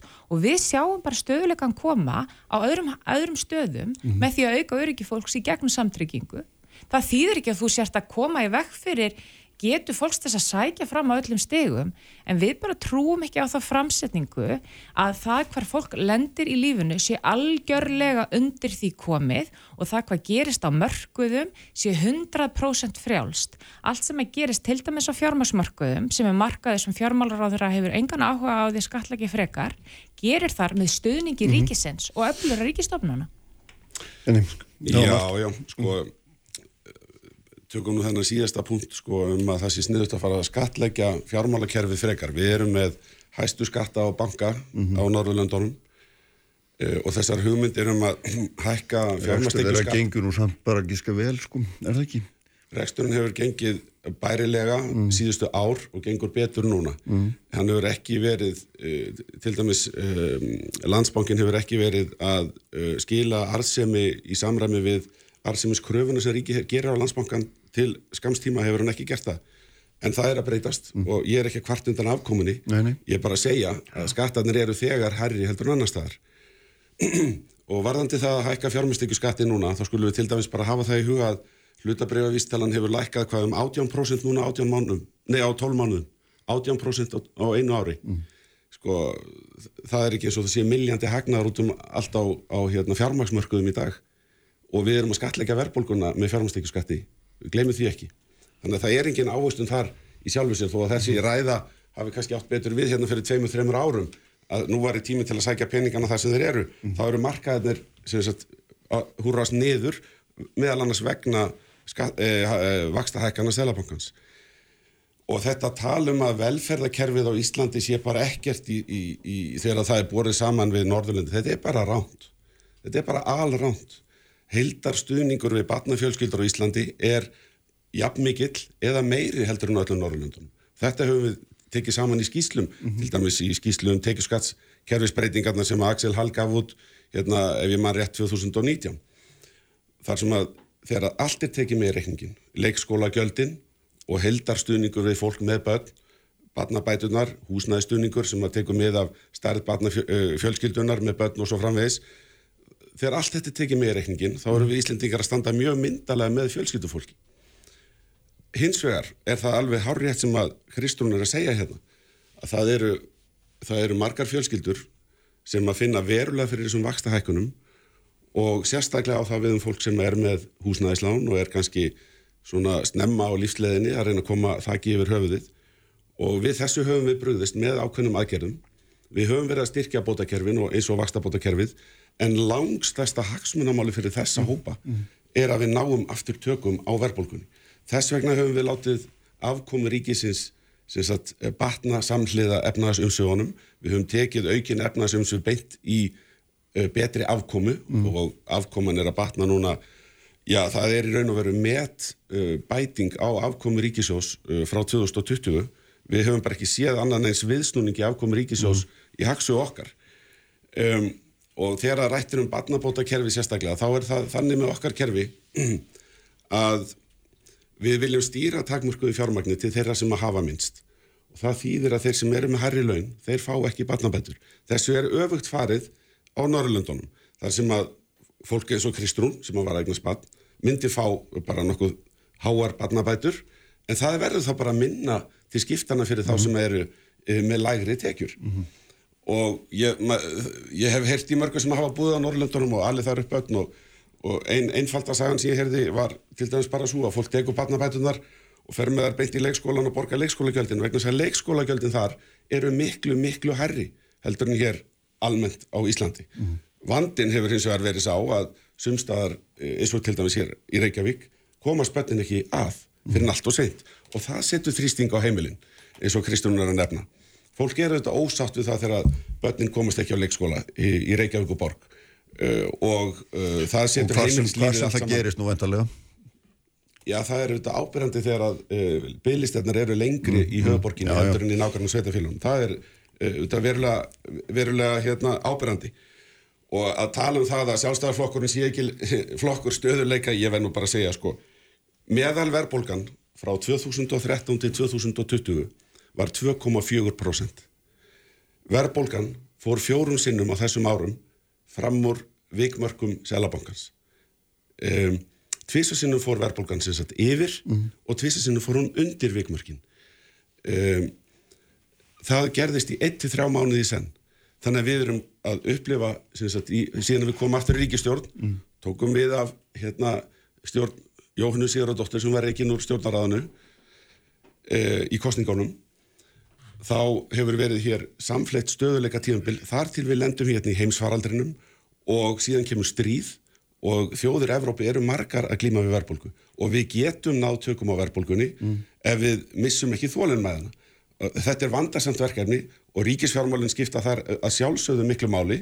Við erum að leggja okkar að mörgum með því að bæta afkomuna, dragur ríkisumsögunum, fari hægraðingar aðgerðir, standa samt með innviða uppbyggingunni og svona um, viðkvæmum hópum, við viljum standa sérstaklega vel með þeim og við höfum sínt það í verki uh, og síðan verður vakstastefnan að vinna sitt gagn og við munum ná uh, stöðuleika að nýju. Mm -hmm. Kristún, það er margt þarna. Þarna, hvernig myndur þú bregðast við til skams tíma að þú sætir hínum megin bors núna í þessari stöðum? Sko við höfum verið mjög skýra okkar tillögum. Við lögum fram kjarapakka í fjárlögunum síðast sem að, um, að hluta til var samþygt einn tillega þar sem snýri að vakstabóta kerfinu. Jóhann Pál, uh, þingmar hjá okkur, laði fram tillögu sem að gera það verkum að eftir, eftir þá samþygt að það var fjöldi fjölskyldna sem fekk 20.000 í vaksta hérna, bóta greiðslur tilbaka og þetta er bara kerfi sem á tímum sem þessum, það sem er ekki búið að byggja ná mikið, fólk er að reyða sér verla á og því miður er það með þannig að út af stefnu stjórnvalda e, þá fer umtalsett minna fjármagn í vaksta bóta kerfi sem er það kerfi sem stiður við lægstu og meðtekju tíundunar. Þetta mm. hafa bara rannsóknir sínt og greiningar frá hans eigin ráðunhetti á móti eh, kemur að það hefur verið farið í önnur úrræði sem að efstu tekjutíðunan hafa hagnast meira á. Þannig að þarna er svona klassist dæmi um kerfið sem er bara tekinn pólitísk ákvörðun um að færa fjármagn frá ákvörðun tíundum yfir í aðrar. Um, við höfum talað fyrir leigubremsu. Uh, það eru þetta ekki úrræði sem við viljum hafa til lengri tíma á. Ég átta mig alveg á því að slíkt yngripa markaðin er ekki skynsalegt til lengri tíma en á meðan fólk þarf að óttast það að geta ekki búið í örgu húsnæði á tímum sem þessum þá hljótu við að geta skoða svona skamtíma úrræði ef það kemur í veg fyrir frekari hækkanir til að mynda í næstu kjærasamningum. Hækkanir sem að mynda verulegleitir lenda á ríkinu þar sem að 30% útgjaldar ríkisins er launakostnaður. Þetta er eitthvað sem þarf að líta á. Við viljum sjá frekari eflinga á batnabótakerfinu. Eh, það er mikið búið að tala um þessa batnabótatilögu sem hæstustu fjármáraðara var hér að tala um. Það var orða sem svo að þetta var í 5 miljardar einsbyttingin í batnabótakerfið. Raunin er svo að þetta voru 2 miljardar sem fór inn, 3 miljardar sem taldir voru þar með og af einstaklingum sem annars hefði verið sparkað út úr kerfuna öðru óbreyttu, þannig að verðbólka hefur verið svo mikið og skerðingamörk hafi ekki fyllt verðbólku að það var hópur af fólki sem var að fara að detta út úr kerfinu. Og fólk á þetta áttar sig á því að öll þessi orraðin barnabátakerfi, hún fellir flatt niður þegar fólk sér bara um hver mánamót hvað er að fá úr kerfinu. Um, Við höfum líka lagt fyrst og fannst áherslu á af því að það er svo mikil umræða hér um að við viljum bara útgjöld að fjármagna þessar tillögur. Það hefur ekki verið vilji -hmm. til að fara í sértakar fjármagnum á þessar tillögur. Og ég bara, ég á ekkert erfitt með að tala fyrir því að við hækkum fjármastekju skatt úr 22% upp í 25%. Mm -hmm. Við mhm. fengum greiningu frá fjármarraðanundu sem síndi að slík hækkun myndi skila ríkisöði 5 miljardum króna sem er ekkert lítil upphæð og svo hækkur myndi fyrst og fremst lenda á efstu 10% út af breytingum sem hafi verið gerðar á skattkerfinu í gegnum árein. Eh, við höfum líka, já, tala fyrir hækkun tilbaka á þessum bankaskatt eh, ef að það hefði verið svo staða uppi að bankaskattslækkun hefði skilað sér til neytenda það hefði það verið annar mál. Við vorum að fá skýslu frá ráþeira í ríkistjórn með fjármáraráþeira sem syndi að þessi bankaskattslækun skilaði sér ekki til neytenda. Þá hlýtur þau að endur skoða það í því samengi. En mér langar mm. að bæta hér við af því að það er vinsalt að skjóta Reykjavíkubort hérna á milli. Mm. Eh, en síðan er líka vittna til þess hvað við stöndum vel með börnunum í landinu okkar með yfir önnu lönd af því að leikskólagjöld eru svo lág. Hvar eru legstu leikskólagjöldin á landinu? Þau eru í Reykjavík. Í hvað sveitafélögum, meðal annars í sveitafélögum undir stjórn sjálfstæðsflokksins var verið að hækka verulega leikskólagjöld á fólk sem getur ekki verið í hlutastarfi sem er oft fólk í viðkonstu hópunum. Það var í Kópavogi, þar sem sjálfstæðsflokkurinn er við völd. Þannig að það er alveg hægt að velja, að, sko. það er hægt að mm. velja mm. svona statistik til ef það hendar hverju sinni. En mér finnst að fókus eigi hér að vera á landsmálunum, um það eru við að raugraða hér í dag og það þýðir ekkert að vera að líta bara til sveitafélum því samiki. Við erum að horfa á grunn velferðarkerfun okkur í landsmálun. Mm. Já, ég vil endilega tala um landsmálun en það er ekkert að horfa fram hjá því að það skiptir máli þegar við erum að tala um hag fjölskyldnan og batnafólks. Uh, hvernig þjónusta við uh, fjölskyldunar er uh, heilt á litið, þar með talið í gegnum sveitafélagin. En það er, það er svolítið gaman að hlusta á, á Kristjánu tala mm. um skattana, mm. af því að það er aldrei nóg sko. Það er, er tiltöla stutt síðan við vorum með 10% fjármastækjuskatt hann var svo hækkaður í 20% í e, ríkistjórnin sem við myndum um 2017 með visti grænum þá var farið upp í 22% ekki satt? Og nú segja menn er, er ekki 25 orðið fínt? Það er þá orðið 150% hækkun fjármstekjuskatts e, þetta á að vera ofan á það að við höfum í augnablíkjunum með uh, háa vexti, við höfum sammálu um það og við erum með eh, hæstu skatta á bankakerfi sem er í gildi en það er ekki nóg, það þarf líka að hækka skattana aftur á bankana mm -hmm. og hvað á svo að gera við allar þessar penninga jú, þá að dreifa hann til fólks og skapa réttlætt í samfélaginu. Ja, þetta er veistu pólitík, jafnaðamanna pólitík já, veistu, já, veistu, en, það, en það sem það gerist alltaf á endan innheimta skatta og dreifa þeim til þess að jafna kjörin, er það, ekki? Það sem ger, já, við búum í, í samfélagi sem að jöfnuður er mestur í sko, bentum mér á samfélag -hmm. sem að, og jöfnuður er meiri. Nemndu bara samfélagið og við slumum fara í samtal um það. Mm. Við höfum skapað hér samfélag þar sem að við byggjum uh, ofinberið þjónustuna þannig upp að við viljum að allir hafi jöfn tækifæri. Við erum með uh, samfélagslegar reiki skólakerfi þar sem að uh, allir fara í skóla sem er reknir af hennu ofinbera og við erum með almennt aðgengi helbriðstjónustu óháð efnahag. Þetta hefur skilað einu uh, farsælasta velferðaríki í heimi og við erum að keppa við þá sem eru fremstir í heimi. Þegar að alþjóðastofnunir taka út velferðar samfélögin og bera okkur saman við Norðurland eða má það heita Sviss eða hvað sem er þá erum við í fyrstu sætónum mm -hmm. nánast á alla meðlikvarð í jafnbretti, í atunum þáttöku kvenna í aðgengja heilbriðstjónustu í almennu heilbriði, í langlífi. Í badnadauði er hvað minnstur á Íslandi í sambrið þjóða. Þannig að það þarf engin að segja mér það að til þess að gera betur þá þurfur bara að hækka skattana. Þetta endar auðvitað alltaf með því að þú drefur allt niður í dróma vegna þess að þú hættir aldrei að fá hugmyndir af því hvað þú getur gert við annara manna fjö.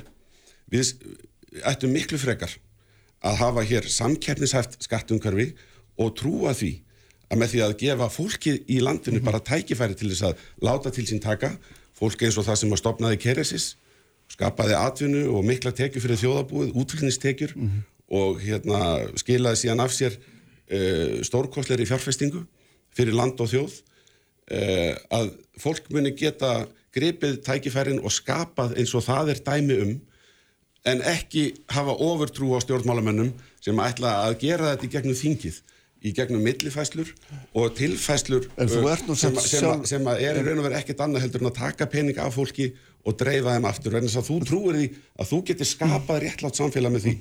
Við erum bara góðum stað í dag. En þú varst nú samt að lýsa kerfi nákvæmlega sem er skapað með þessum hætti og varst að ljúka lofsærið á velferðarkerfið okkar sem er nákvæmlega skapað með þessum hætti. Já, ég hef verið fjármálar á þeirra núna í tíu ár. ég, ég veit það, Já, með því að taka umtalsverða skatta og fólki að dreifa Það þarf ekki að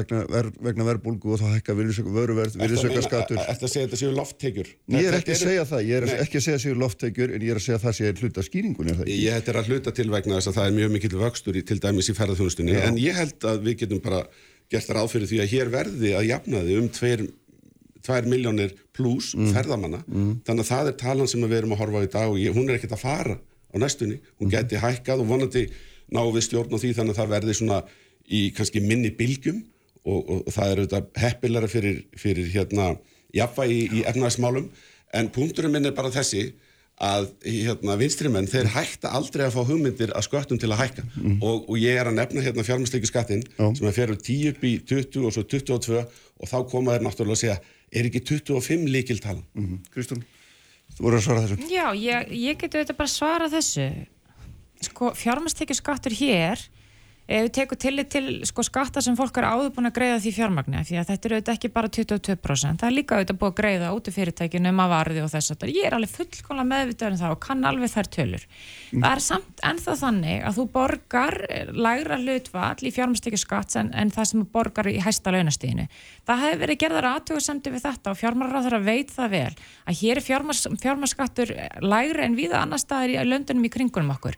Um, við bara, okkur finnst bara ekkert óæðilegt að við förum með þá skattekjur á æðilegri stað sem snýra efstur laununum í landinu. Og þetta eru auðvitað bara pólitískar áslur sko varðandi þessi umræðu um hvað allt er frábæst hérna, ég meina það er mjög gott að búa í Íslandi. Ég ger ekki aðtjóðsamt við þann málflutning en mér finnst þetta auðvitað bara að lýsa á hverju uppgjöf og metnarleysum við getum gert betur. Þessi umræða um eignajöfnu til dæmis, mm -hmm. horfum bara tölur 25-30 ára aftur í tíman staðrindin er svo að sko lægstu 50% í landinu eiga kringum 3% af eignunum í landinu. E, fyrir 25 árum var þetta hlutveld 6% efsta tíundin á margfalt meira en þetta. Og þetta hlutveld hefur til dæmis lítið hakkast á 25 árum. Þetta snýst ekkit allt um að alltaf, allt sé að fara á verri veg. Og við hljótum að spyrja okkur af hverju til dæmis engar framfærir á þessu stímálsins af hverju eru engar framfærir í breytingu og egna ájöfniði getur það mögulega skýrt á stöðu sem uppi núna á vinnumarkaði sem er ekki bara fyrst að koma upp núna? Af því að fjármálaráður var að tala um að þetta sé nú bara erfitt núna út af Úkrænustriðinu eða út af COVID sko lífskjara samningarnir voru 2019 þá var búið að vera ólka á vinnumarkaði nokkur ár. Við komumst ekki út úr þessari stöðu að verum sífælt í svona átaka menningu millir vinnumarkaðar, atvinnureikanda og ríkisens og partur af því er það vantar stöðuleika í velferðarmálin. Og þessi umræðum að hækka og hækka og hækka skatta. Sko staðrindin er svo að ef fjármálaráðara er því tíu ár hérna í viðbót sami fjármálaráðara þá myndan þurfa að auka útgjöld ríkisins en þá meirinn hann vil vegna þess að það stefnir í óefni í stórum liðum eins og launarliðunum okkar eins og í heilbreyðstjónustu, almannatryggingum og þess aftar vegna þess að það er ekki gripið inn fyrirfram. Við vitum Já. að það eru öldrun þjóðar framundan og það er hægt að grýpa til fullt mm -hmm. af mhm. aðgerðu núna til þess að gera það ódýra. Til að mynda fjármagna heimahjókurinn með betri hætti, til að koma í veg fyrir að eldra fólk sé að hérna, liggja inn á landsbytala Ísland sem er dýrasta legurimi í landinu. Það kemst heldur ekki inn á hjókurinnir heimili. Það er ekkert auka fjármagn sem er að fara inn í heimahjókurinn í landinu. Það sama á við almenna velferðarþjónustu sem að gerir það að verkum að fólk sækir síður kjarabætur í launaliðin. Þannig að þessi hugmyndum að stilla þessu fram að vinstri menn vilji bara hyrða peninga á fólki en þess að við séum svo klára og vitum betur.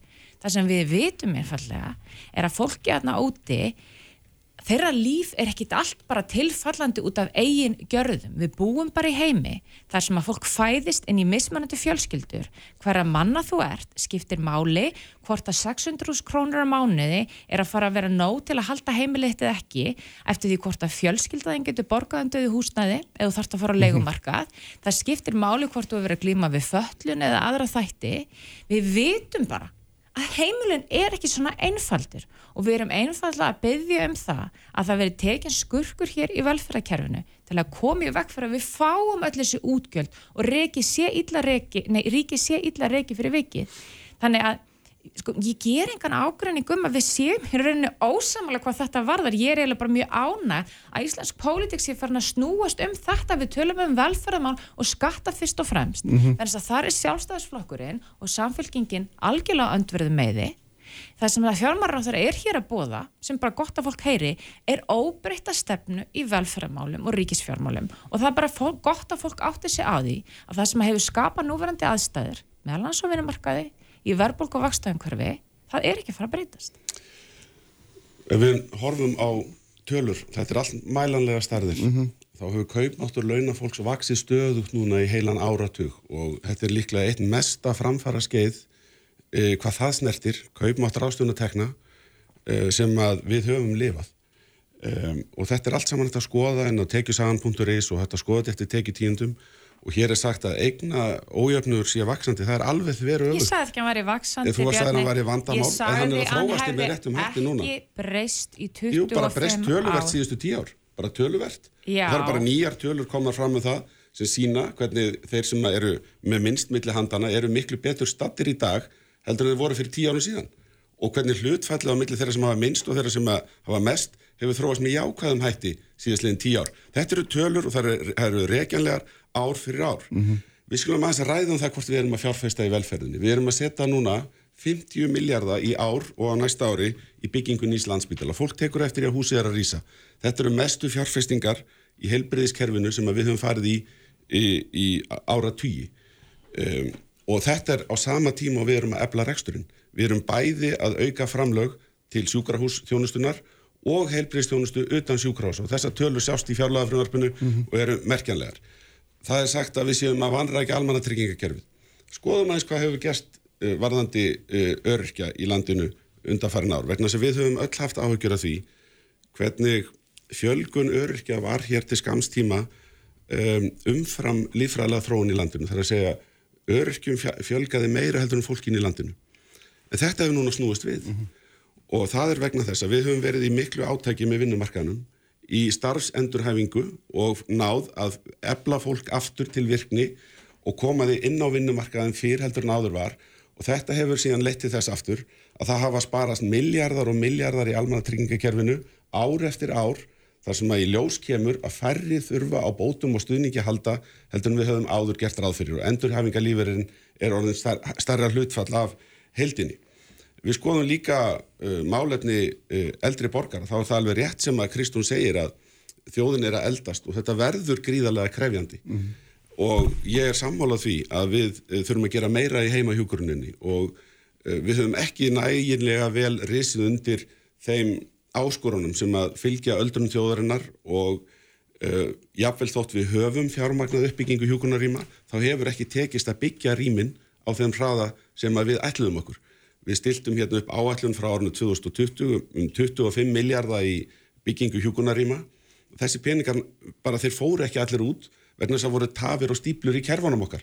Og þess vegna hef ég ákveðið að fara í mikla vinnu með Viljum Þór Þórsinni helbriðisráþara uh, við að endur gera um, um, hjúkurunarheimila uppbyggingu eða sem sagt kerfið í kringum það allt saman og að við förum að treysta þriðju aðlum meira fyrir að taka að sér framkvæmda þáttinn í staðis að vera með það allt saman á fjárlögum og í gegnum ríkistofnanir að byggja og, og, og, og smíða þessi rými.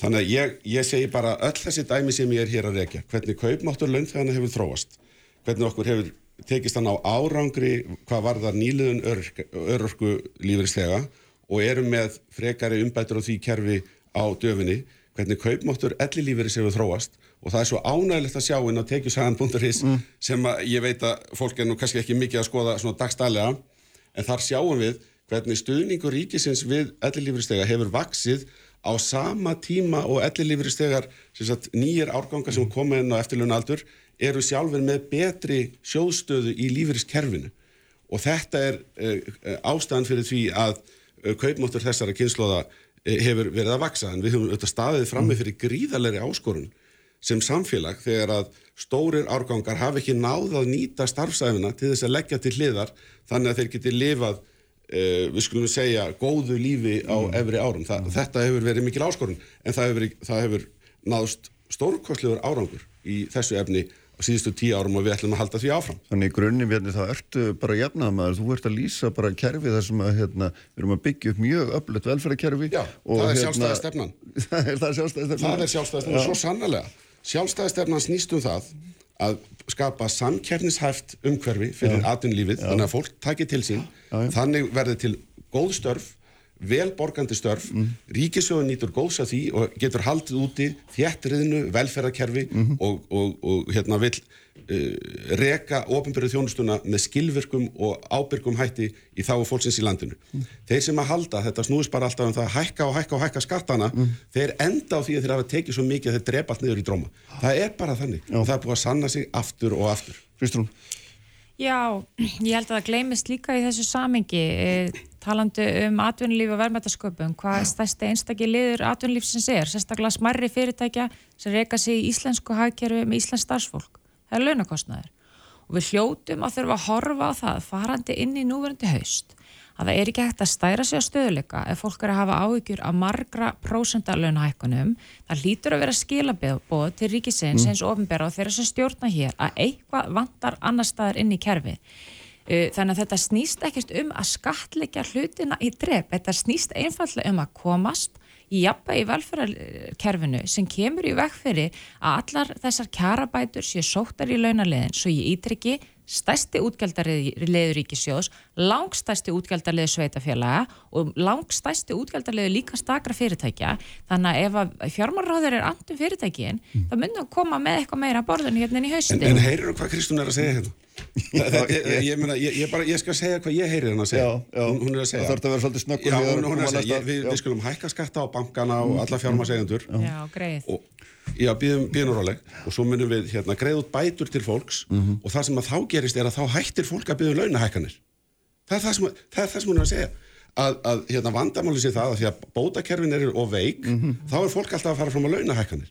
En það mun allt breytast þegar við byrjum að greiða fólki bæt. Sko, þetta er náttúrulega alveg ótrúlega málflutning hvernig er þetta ótrúlegur málflutningur? Þetta er bara nákvæmlega staðan á Norðurlöndunum að þessi blessaði vinnumarkað sem er alltaf verið að vitna til á Norðurlöndunum tekur ymitt falla því að kjarabætur koma í meiri mæli gegnum velferðarkerfi og staðurindin er svo að það er miklu auðvildar að fara í sértekar kjarabætur sem meða að nákvæmlega þeim fjölskyldun sem þurfa að halda með bara... því að fara í gegnum bótakerfin okkar, mm. með því að fara í gegnum húsnæðistuðning, það er vitað mál við Bjarni, erum bara mælust bara vel í samanbyrði við Norðurlöndin í velferðarkerfin. og vinnumarkaðin að stæsti einstakki vandi vennlust fólks á Íslandi í dag er húsnæðiskostnaður og kostnar að því að reyka heimili. Um og þetta er eitthvað sem að ríki getur svo sannala komið inn. Þannig að halda því fram og lýsa því yfir hér að þetta skipt ekki máli ekki í aðranda kjærasamninga mm. og þetta myndi ekki hafa áhrif á launakröfur fólks lýsir skorti á skilningi á samhengi hlutana. Þetta er bara eitt stæsti staki liður núna í komandi kjæra samningum en vonandi sjáum við eitthvað útspil. Ég var ekkert hiss á því að það kom eitthvað svona rétt fyrir jól eins og gerist alltaf, það kemur svona allt, að það fer allt hart í hart og svo komaðu og draga kann uppur hattinu fyrir jól. Fósættisráð þeirra myndist á það að þau væri að vinna í umbótum fyrir hausti, þetta verður ekki komið frá fjármárar á þeirra, það verður forvittilegt að sjá hvort að þau verða öndur með núna við samveit Ég hef nú verið í ennbætti sko í gegnum margar kjaralótur og þekki það ágætlega samskipti við hérna, verkefælisegunguna og atunreikundur og ég hef einmitt beitt mér fyrir hverju, ég hef beitt mér fyrir skattalækunum til þess að kjara samningar takist, skattalækunum ekki skattahækunum, heldur lækunum til þess að fólk hafi meira á milli handana mm. og ég trúi því nefnilega að skattalækanir geti stutt uh, við kjara samningar gerð verðan að sá endanum er fólk auðvitað að spyrja sig hvað sittur eftir í launaumslæðinu í lok mánar. Í augnablíkinu skiptir langmestur máli fyrir eh, heimilinn og atvinnustarfseminn í landinu að ná tökum á verðbólgunni. Búndurum minn eh, varðandi hérna, mm.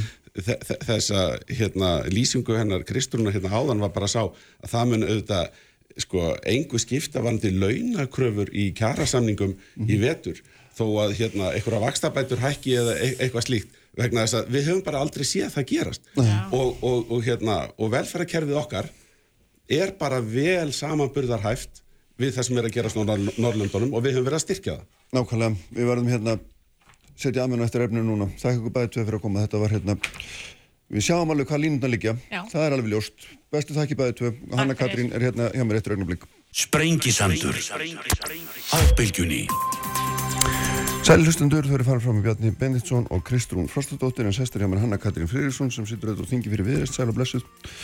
Góður og tíðu gestu hér eins og svo margir aðrir og hérna, sko, núna er það umræða um, ég veit ekki, ég var að reyna að orða þetta einu orði, hinsi leikan sem mér finnst nú vera hluti skríti orði en þannig þannig hérna, það sem að hefur verið að gerast er það að, að það hefur verið mikil umræða fræðslu samtakana 78 í grunnskólum og mörgum finnst hún algjörlega eh, óforsvaranleg og, og svo hefur þessi verið blandað saman við alla mögulega hluti og hérna og þú ert nú hérna þingmaður og hefur talað mikið fyrir réttum transfórs og ertu þetta samkynnið sjálf. Og hérna mér langaði þess að taka húsaður, ég meina hvernig hvernig svona horfir þetta við, þú er búin að vera í sér baratu í mörg ár getur við sagt og hérna hvað finnst þér, hvernig lítur þetta hvernig svona horfa síðustu vikur við þér í þessu samhengi? Já, já, ég, hérna, staðan er döpur, það er ekki hægt að neyta því.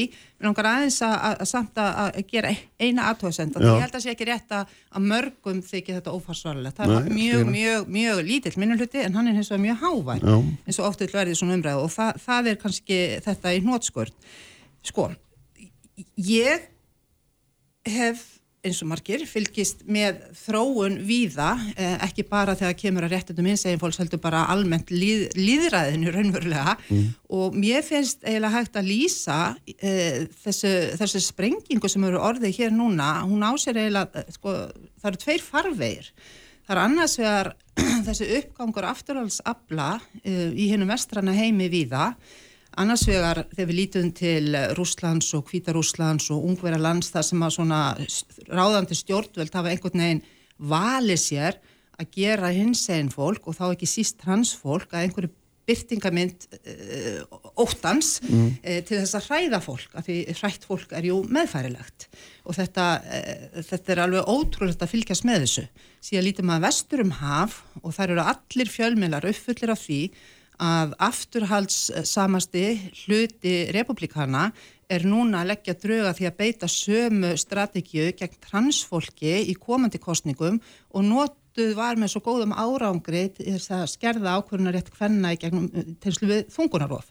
Þannig að þetta er svona orðaðan, það er bara búið að velja hópin sem á að halda samfélaginu í, í ótta og, og gera það meðfærilegt. Þú veist, þetta er svolítið dramatísk lýsing hjá mér, en þetta er enga síðan ég er að reyna að segja þetta í nokkrum orðum. Síðan er hinn ströymurinn, uh, hann á rætur að reykja til aukina klámvæðingar og aukins uh, kynferðislegs áreitis og ofbeldi sem börn og húnleika verða fyrir, ekki síst með tilkomi samfélagsmiðla. Uh, Lögjafin hefur sett skorðu við þessu, það, eru, það hafa verið sett lög og það er sett þingsáltuna til að sem lítur að því að auka kynfræðslu í skólum.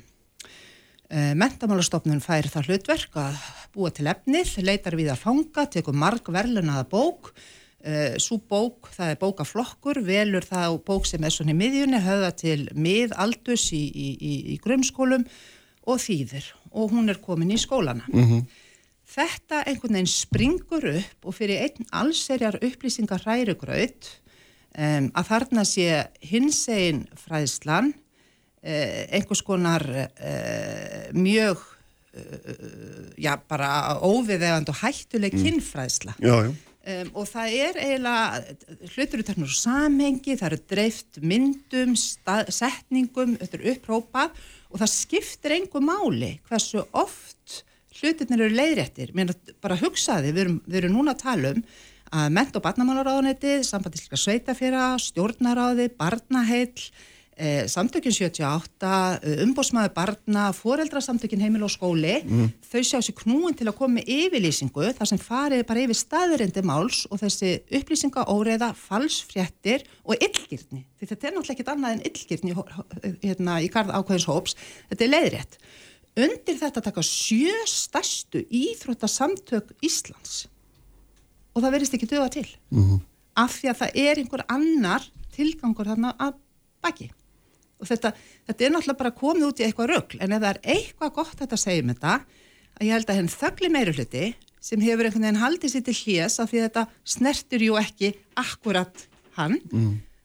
að því er þau halda, eh, hann er vaknar hann er bara farin að átta sig á hvað er í gangi um, og kannski erum við bara komin að þessu vendipunkti núna að við áttum okkur á því að það, það þarf bara okkar allra til að halda hér við frálsu samfélagi þar sem allir eru frálsir til að vera þessum þeir eru.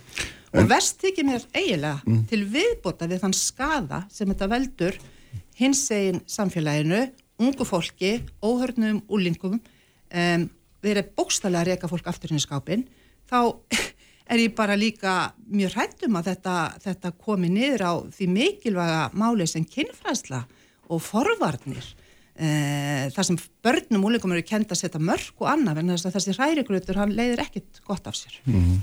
er, er, finnst þér svona ég veit ekki hvernig, hvernig maður á orða þetta nákvæmlega en sko, getur ekki verið að, að svona fræðsla þessum toga sé sett í ganga á þessu svona kanna hvernig landi liggur og hún sé kannski sko að því að svona fyrir íhaldsama mm. sem getur samtalvis verið síðflót og gott fólk, skilru, er ekki auka fólk en þá, þá, þá er kannski bara komin um, upp ykkur stað sem að því finnst bara að vera komin að það svo langt við, já, svo bara óþægileg með við sín síðferðis við með en það er ekki fólk sem er auka fólk eða vond fólk eða neitt skilur, það er bara með eitthvað viðhorf og, hérna, og allt í nú sér það bara eitthvað efni sem að segja, betur nú aðeins, hérna, er þetta nú komið í grunnskólan svona, já, já, Ertu, nú ert að tala um kynfræðsluna Já, til dæmis, já, já eða hins eginn fræðsluna hvað sem er, en, en, en, sko, einhver, er... einhver ný viðþór bara, getur morðað þannig. Já, já, sko, sko, þetta er náttúrulega tvent Ég veit að þetta er tvent aðskilið En ég ætla að segja líka bara, sko, hins eginn fræðslan mm. í dag, hún er ekkit öðruvís sem hún er búin að vera svo árum saman.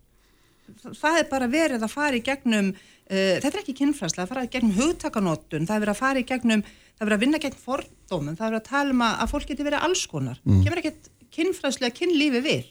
Um, en kynfræðslan er mögulega orðin beinskettari og ítalegri enn og var af ástæðu. Vegna þess að fólk er að átta sig á því að, að úlingar og bara nýri börn er með mjög greiðan aðgang að klámi og alls konar ruggli sem á sér stað á samfélagsmiðlum uh, og hvorki kennarar nýju foreldrar oft og tíðum átta sig á því uh, hvuslas uh, efni er nei, nei. fyrir augunum af börnum. Þannig að kynfræðslunni er ætlað að sportna við því og ég er alveg klár á því að hún er mun ítalegri, mögulega grafískari og nákvæmari en kynfræslan sem að til dæmis ég fjart, og er með góður sem fólkst í því að útskjara hvernig börn eru til svona í þrejum setningum, jú, jú. ég meina þú veist, af því það var veruleikin þá kannski það var ekki tala ítalegri hlutina þannig að jú, það getur bara vel verið, en þar gleima menn kannski einu við erum með mjög vel hæfa kennara sem meta. Og ég hef átt samtöl við uh, kennara, skólastjórnendur og lesið mig til og þessa, þessi bók til dæmi sem er jú grunnurinn að þessu mm. ef, ef ég skil rétt. Mm. það er ekki eins og henni sé flykt í börnun og satt farið nú heim og lesið. Minna það er tekið efni eftir aðstæðum. Komið upp einhverju aðstæður í bekknum eða samfélaginu sem börnur eru upptökina við úlingarni þá er talað um það og vísað í bókina bókin er ekki kend á einni viku þetta er eitthvað sem er notað yfir heilt skóla og jáfnvel fleiri, smám saman mm. og bókin er ekki síst fyrir kennarana að finna efnið sem þau ætla að fjetta inn í samtölu við börnin.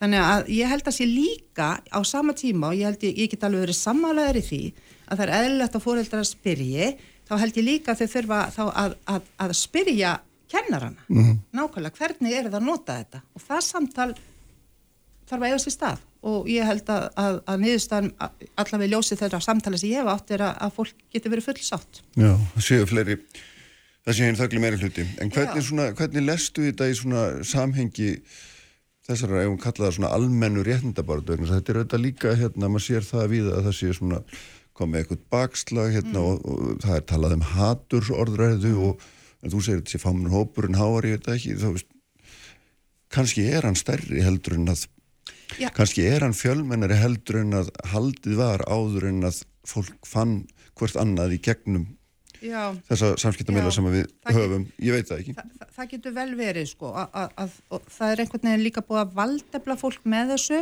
sko þetta sem ég var að tala um áðan mm. um ströym á stefnu ellendis það er ekki tilvinnin held ég að, að mikið af því fólki sem er núna að kveikja eldana hér býr erlendis Íslendika sem búa Erlendis, kynast þessu þar mm -hmm. og þetta er einhvers konar uh, tilrönd til að valdefla sig en síni kannski fyrst og fremst bara eitthvað djúbstætt óöryggi og vanlíðan sem fólk býr yfir sjálft og við þekkjum það alveg hvernig oft geta skapast svona aðstæðar þar sem fólk á sér enga leið til að stækka og verða örugt nema með því að gera aðra minni.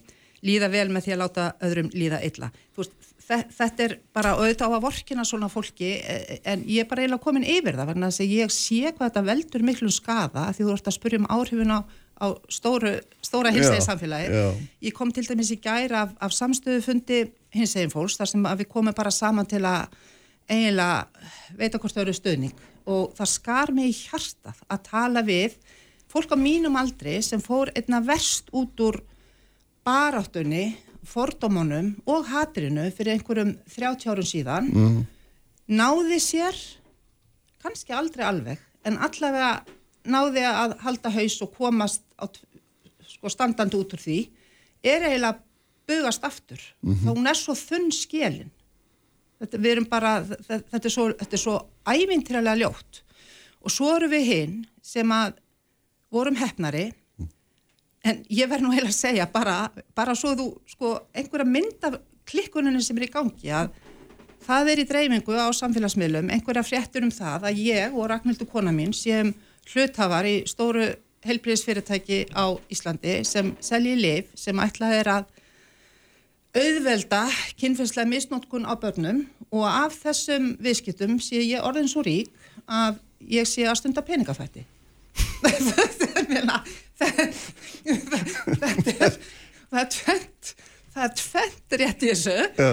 ég vann einu sinni hjá helbriðsfyrirtæki og ég byrti fyrir rúma ári síðan fæslu um það að ég hef verið stoppuð á, á flugvelli eða stoppuð, ég hef farið í gældirinsveslun á flugvelli til að skipta peningum og fá 50 eurur já og sagðist þér í pólitík og það fór allt í baklás og ég byrti eitthvað djók hérna Facebook-fæslu Já, já, þú máttir semst ekki gera því og stundar stjórnmál Nei, Nei, það fór alveg hérna Jú, ég mátti það reyndar því að mörgin eru margfald herri en bara þegar ég sagðist þér í pólitík þá ringdu ykkur að björlur En sko bara til að sína á hvað stíði þetta er og ég get hleyja þessu Eh, en hérna það er svona rétt á mörkunum það, það er rétt á mörkunum nefnilega. Og ég vissum ég gæti eldet upp og gert eitthvað úr því sko, við erum jú með lögjöf gegn svona og, og fyrir stjórnmálamann er þetta náttúrulega ekki grín heldur að, að fleita svona sögur sko.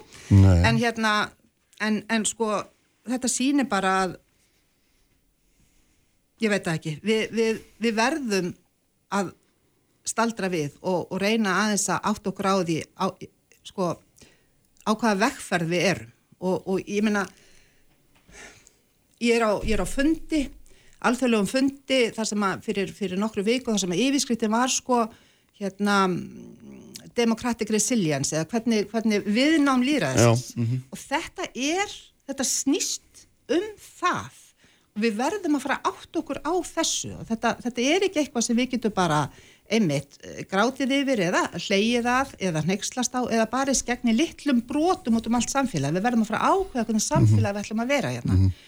og eitt er við ætlum ekki að vera samfélag sem stýrist af falsfréttum og skipulögurum áráðusherrferðurum gegn litlum einstaka hópum og búa þannig til farvegin fyrir öfgaöfl það er ekki það sem að Íslands samfélag ætlar að vera mm. og það er ekki þar sem stjórnmálinn vilja vera ekki þar sem almenningu vil vera þess vegna eigum við ekki að láta þessu í lagi Nei.